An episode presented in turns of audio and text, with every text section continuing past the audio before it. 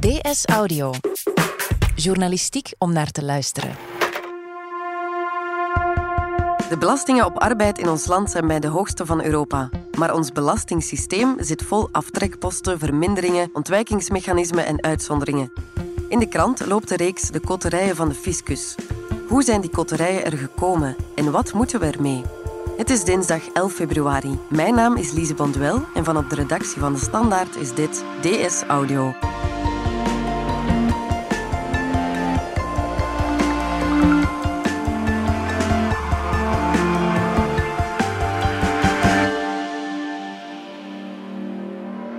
Het belastingssysteem van ons land is niet logisch, niet transparant, niet billig en niet efficiënt.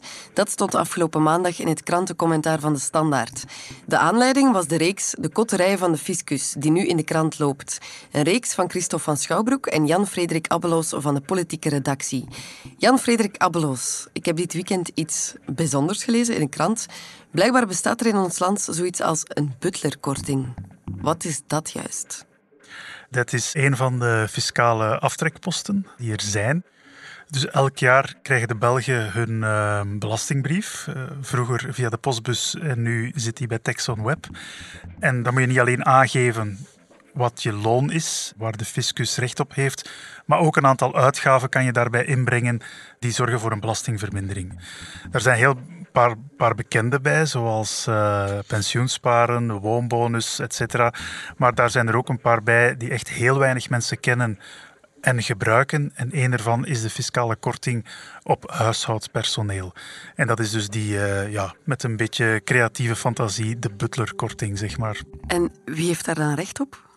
Wel, als je uh, dus een eigen ja, butler of verpleger of uh, een ander type huishoudpersoneel te werk stelt en die persoon was daarvoor uh, minstens zes maanden werkloos, want dat is zo nog een klein lettertje dat erbij komt, uh, dan kan je een deel van het loon dat je aan die persoon geeft uh, inbrengen, fiscaal. Ja. Wie maakt daar vooral gebruik van? Ja, heel weinig mensen. Het zijn er dus 187, hebben we kunnen lezen in een rapport van de Hoge Raad voor Financiën. Okay. Een rapport dat nog niet klaar is, maar waar we wel al een deel van hebben kunnen inkijken. Um, en uh, ja, die 187, daarvan zijn er ook nog eens uh, 102 die tot uh, 10% meest verdienende Belgen behoren. Wat natuurlijk logisch is, ja, niet iedereen heeft huishoudpersoneel. En dus als je het hebt, moet het ook nog eens iemand zijn die daarvoor zes maanden minstens werkloos was. Dus een heel ja, specifiek ontworpen maatregel uh, waarvan je meteen doorhebt dat niet heel veel mensen er kunnen gebruik van maken. Ja, jullie schrijven nu een reeks daarover, de kotterijen van de fiscus. Waarom schrijven jullie daarover? De Hoge Raad van Financiën is momenteel bezig met een heel lijvig rapport over de personenbelasting. Ze is aan het bekijken hoe kan die personenbelasting hervormd worden, vereenvoudigd worden. Um, dat rapport zal wellicht ook een belangrijke rol gaan spelen als er ooit regeringsonderhandelingen komen. Ja. Want um, de personenbelasting is altijd een van de elementen waarmee wordt gespeeld in de onderhandelingen om voor de ene of de andere partij iets gedaan te krijgen. En wij hebben een stuk van dat rapport in handen gekregen. Eigenlijk het stuk waarin die Hoge Raad van Financiën de pijnpunten blootlegt van de personenbelasting. Ja. En um, dat is wat wij al gebracht hebben tot nu toe. Ja, het voordeel daarvan is dat het een onverdachte bron is, omdat het proces van fiscaliteit wordt vaak gemaakt in deze of gene richting. Uh, mensen die zeggen, je betaalt te veel belastingen. Ja. Uh, andere clubs, uh, of bijvoorbeeld de PVDA, die focust op een aantal aftrekposten die schandalig zouden zijn, of bedrijven die te weinig belastingen betalen. Dus heel die discussie daarover is heel gepolitiseerd. Ja. En de Hoge Raad is net een club deskundigen, professoren, die werken rechtstreeks onder de minister van Financiën, die op papier zouden eigenlijk een zo objectief oordeel moeten vellen over ja, de staat van onze fiscaliteit. En dat oordeel, toen dat we dat te zien kregen, uh, ja, dat is alles behalve flatterend. Ja, want wat is jullie daarbij opgevallen? Wat er opvalt is vooral dat er 101 wegen zijn om die personenbelasting te ontwijken.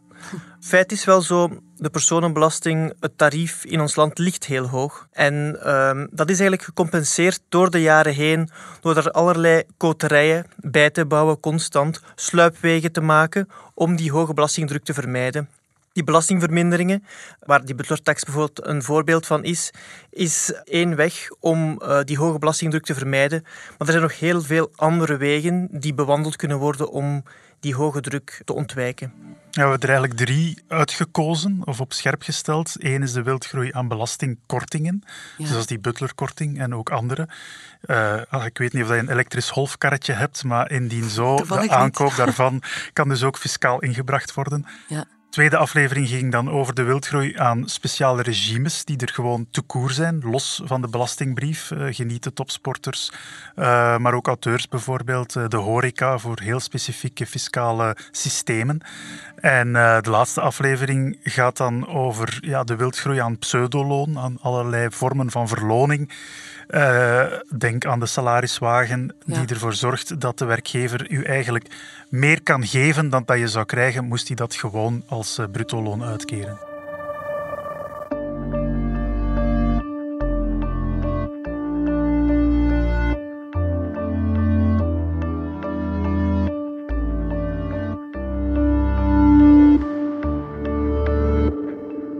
Is dat erg dat onze personenbelasting zo complex is? Of heeft dat ook zijn voordelen? Want die kotterijen zijn natuurlijk wel mooi meegenomen voor diegenen die er gebruik van kunnen maken.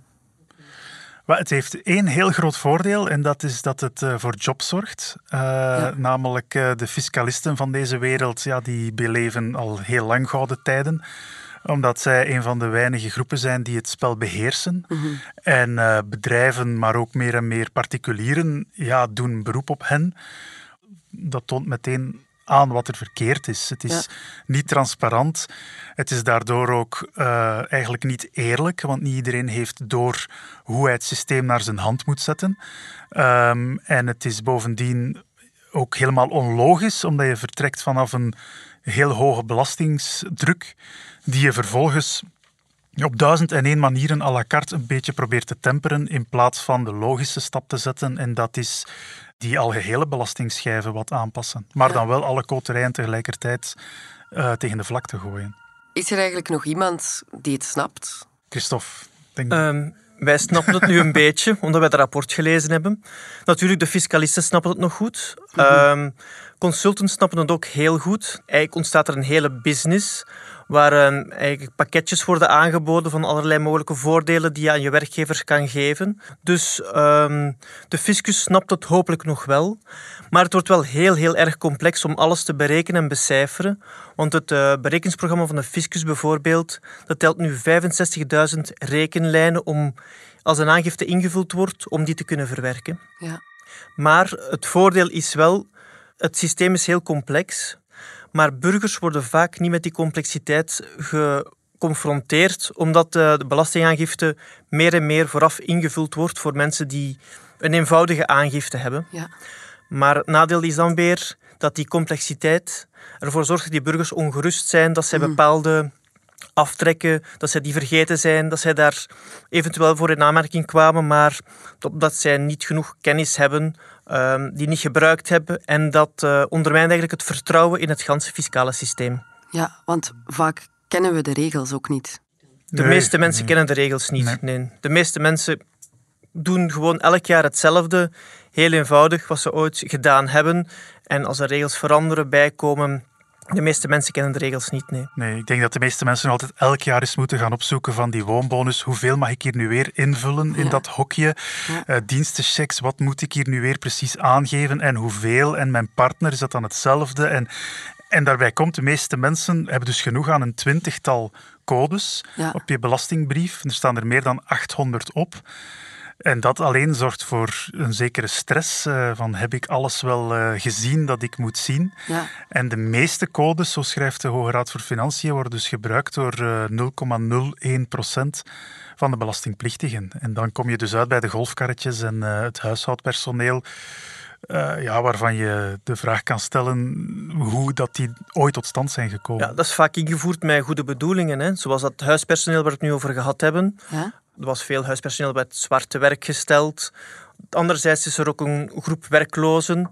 En dan dacht men, als we daar een korting aan koppelen, dan gaat men misschien die mensen die nu in het zwart werken, gaat men die officieel in dienst nemen, zodat die arbeid wit wordt. Dus dat is de bedoeling die daarachter steekt. Maar als het, de maatregel geen resultaat haalt, dan gaat men die nooit afschaffen. Men behoudt die en men kijkt, tja, dat marcheert niet. En gaat men toch nog iets anders bouwen om hetzelfde doel te bereiken. De dienstenchecks zijn eigenlijk een parallel systeem waar men ook geprobeerd heeft om hulp in huis uh, wit te krijgen, te verwitten. Mhm. Maar met die dienstenchecks kan je dan weer niet alles uh, inkopen. Uh, je kan er bijvoorbeeld geen butler mee betalen.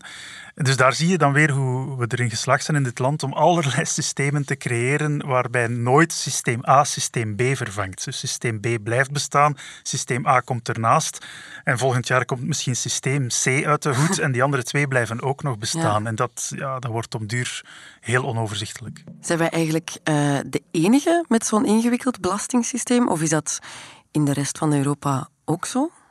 Uh, ik denk dat we de enige zijn die met die complexiteit geconfronteerd worden van een heel hoge belastingdruk. Dat is objectief vaststelbaar. Ja. En dan alle mogelijke manieren bedenken om daar toch een klein beetje aan te ontsnappen. Er zijn ook weinig landen waar je een dergelijk groot uh, spanningsveld hebt tussen wat je bruto krijgt en wat je netto overhoudt. Is voor veel buitenlanders schrikken als ze in België komen werken. Ja. Uh, maar dat vat het uh, probleem wel goed samen. En daarbij komt nog eens dat de overheid is hier armlastig, heeft tekorten, heeft een heel hoge schuldgraad. Dus van elke ontsnappingsroute die wat gecreëerd wordt, ja, dat zorgt telkens voor een extra klein gaatje in die overheidsfinanciën. Maar eigenlijk kan de overheid zich dat niet permitteren. Dus de volgende vraag is dan weer, hoe gaan we dat tekort dichten? Moeten we daarvoor dan geen extra belasting heffen? En dus voordat je het weet, probeer je een schip te water te houden dat langs alle kanten zit te lekken, maar waarvan iedereen aan boord toch nog altijd klaagt dat het veel te duur is om op dat schip te zitten. Dus het, het is voor niemand een goede zaak op dit moment. Het is eigenlijk een vicieuze cirkel. Absoluut, volledig. Ja. Je hebt het over een hele industrie die ontstaat aan consultants, maar het zijn niet de mensen die een belastingsbrief invullen die daar gebruik van kunnen maken. We hebben gezien dat het altijd de best verdienende mensen zijn die er gebruik van maken. Ongeveer de helft van al die belastingverminderingen wordt gebruikt door de best verdienende 20% Belgen. Ja.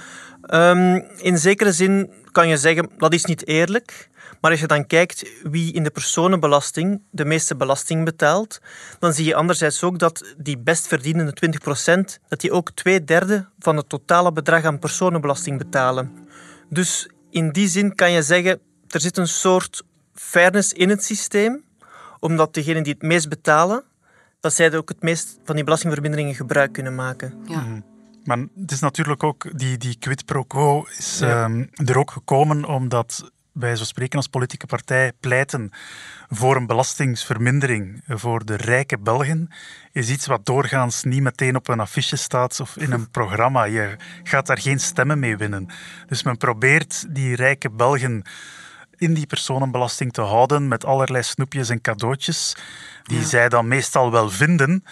Maar het blijft een gekke manier om op die manier uh, die, die deal, zoals Christophe het omschrijft, uh, op poten te zetten.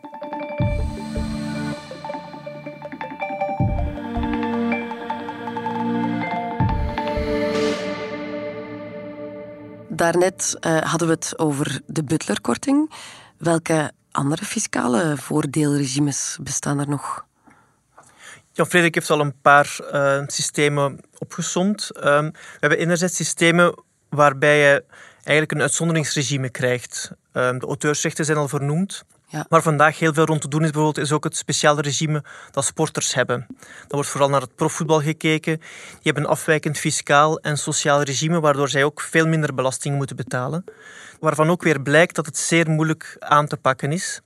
Politici willen dat wel, maar uh, de Pro League, dus uh, de bond die de profvoetballers vertegenwoordigt, ja. uh, die staat op haar achterste poten. Want het argument luidt dan weer, oei, we gaan de concurrentie niet aankunnen met de buitenlandse clubs.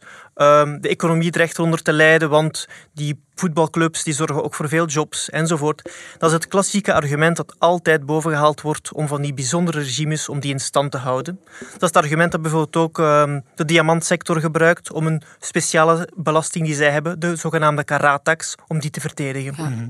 Dan heb je ook nog de horeca die allerlei uh, gunstregimes kent. Je hebt de landbouwers die forfaitair voor deel belast worden op de oogst. Uh, dus Peter Bossaert, de CEO van de Voetbalbond, die dat fiscale systeem kwam verdedigen vorige week nog in Trends voor zijn sector. Ja, die zei daarin, en hij had niet helemaal ongelijk, ja, maar elke economische sector heeft zijn voordeelregime. Uh, en ook dat is dus weer hoe de fiscus het heeft aangepakt. Maar het resultaat is opnieuw een, een totaal kluwen. Uh, als je even kort moet uitleggen hoe de profliga belast wordt, dan heb je daar denk ik een half uur voor nodig om de contouren daarvan nog maar te schetsen. Stel, ik ben een doodgewone, onsportieve en niet creatieve werknemer zonder butler. Kan ik dan ook van bepaalde kortingen genieten? Uw werkgever zal u wel bepaalde kortingen aanbieden die u kan gebruiken om legaal belastingen te ontwijken. Het meest bekende voorbeeld is de bedrijfswagen bijvoorbeeld, wat in veel bedrijven aangeboden wordt, die heel fel gecontesteerd is momenteel. Maar je hebt ook werkgevers die een laptop geven, extra vakantiedagen. Dat zijn allemaal voordelen die fiscaal en sociaal zodanig verpakt zijn dat ze goedkoper zijn voor de werkgever om aan te bieden, waardoor jij eigenlijk als werknemer netto meer met je loon kan doen. Mhm. Dat gaat om veel geld. In 2017 bijvoorbeeld werd op die manier voor bijna 3 miljard aan loon uitgekeerd. Wij noemen dat gemaskeerd loon, vermomd loon, dat het loon allerlei andere kleedjes krijgt, zoals een auto, laptop, extra vakantiedagen. En hoeveel mensen werden daar beter van? In 2017 hebben ongeveer een miljoen mensen daar gebruik van gemaakt. En en plus, die 3 miljard, om en bij de 3 miljard zit zelfs nog eh, een aantal andere systemen niet, zoals de maaltijdchecks en ecochecks, uh, maar ook de forfaitaire kosten. Uh, dat is ook iets wat verschillende werknemers toch krijgen, dat zij plots zien op hun loonbrief dat zij een forfaitaire onkostenvergoeding krijgen. dat is een bedrag dat soms nogal met de vogelenpik bepaald is en is vooral weer een van die vele manieren voor uw werkgever om zonder dat je bruto loonkost stijgt, want daar moet die werkgever dan weer nog eens extra kosten op betalen, dat die toch wat meer netto aan jou kan geven. Wat is daar dan het grotere gevolg van?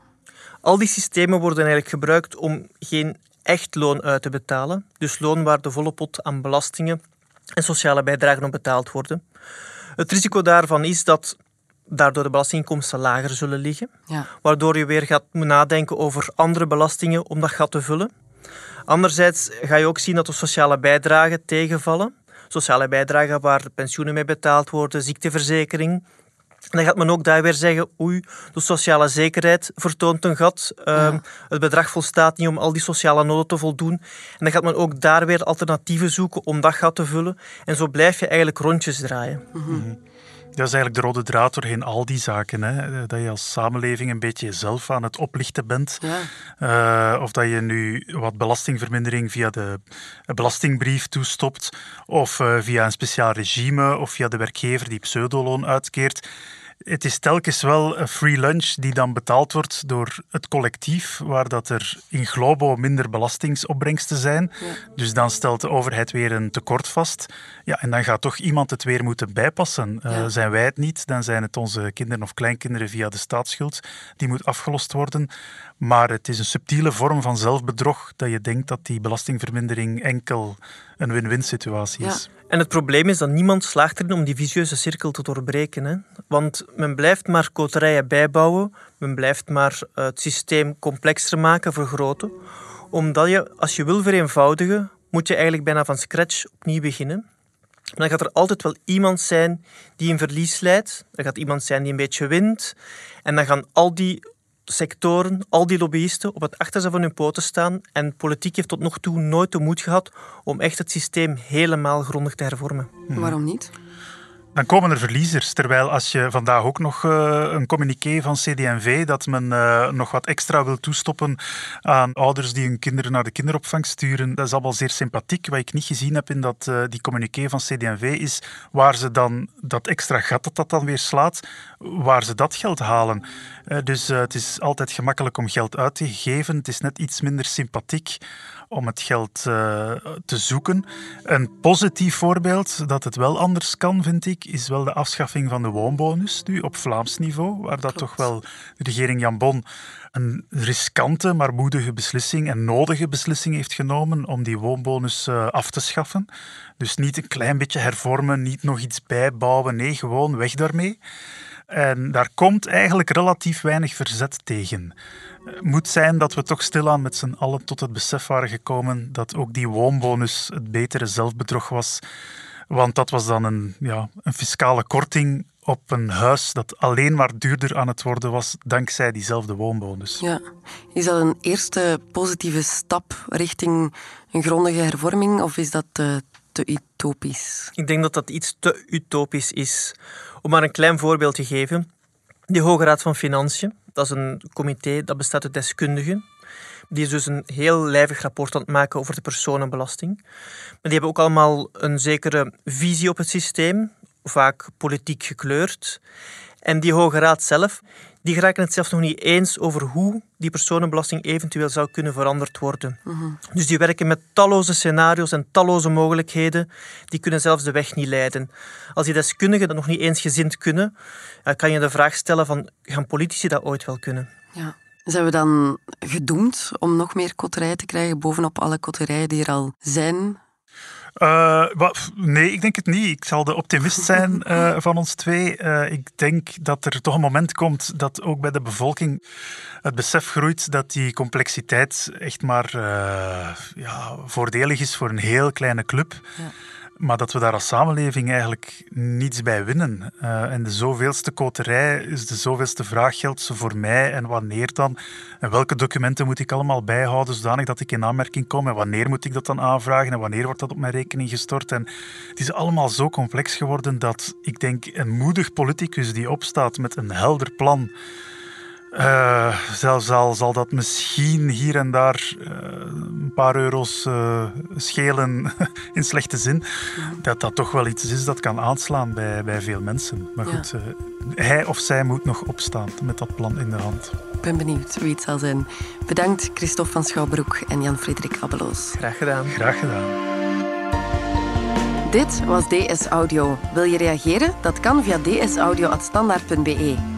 In deze podcast hoorde je Christophe van Schouwbroek, Jan-Frederik Abbeloos en mezelf, Lise Bonduel. Ik deed de redactie met Annelies van der Roost. Annelies deed ook de eindredactie. Brecht Plasgaard deed de audioproductie en schreef ook de muziek die je hoorde in deze podcast. Chef audio is Wouter van der Riesen. Vond je deze podcast interessant? Weet dan dat je er elke werkdag één kunt beluisteren. Dat kan via de DS Nieuws app of via standaard.be-audio. Je kunt je ook abonneren via Apple Podcasts, Spotify of de podcast-app van je keuze. En als je daar dan toch bent, schrijf gerust een review. Zo toon je ook anderen de weg. En we vertellen met de standaard natuurlijk niet enkel in onze podcasts over wat er in de wereld gebeurt. We doen dat ook in de krant en online. Benieuwd naar een abonnement? Ga dan zeker eens kijken op standaard.be-voordelig. Daar ontdek je ons aanbod en onze promoties. Morgen zijn we er opnieuw.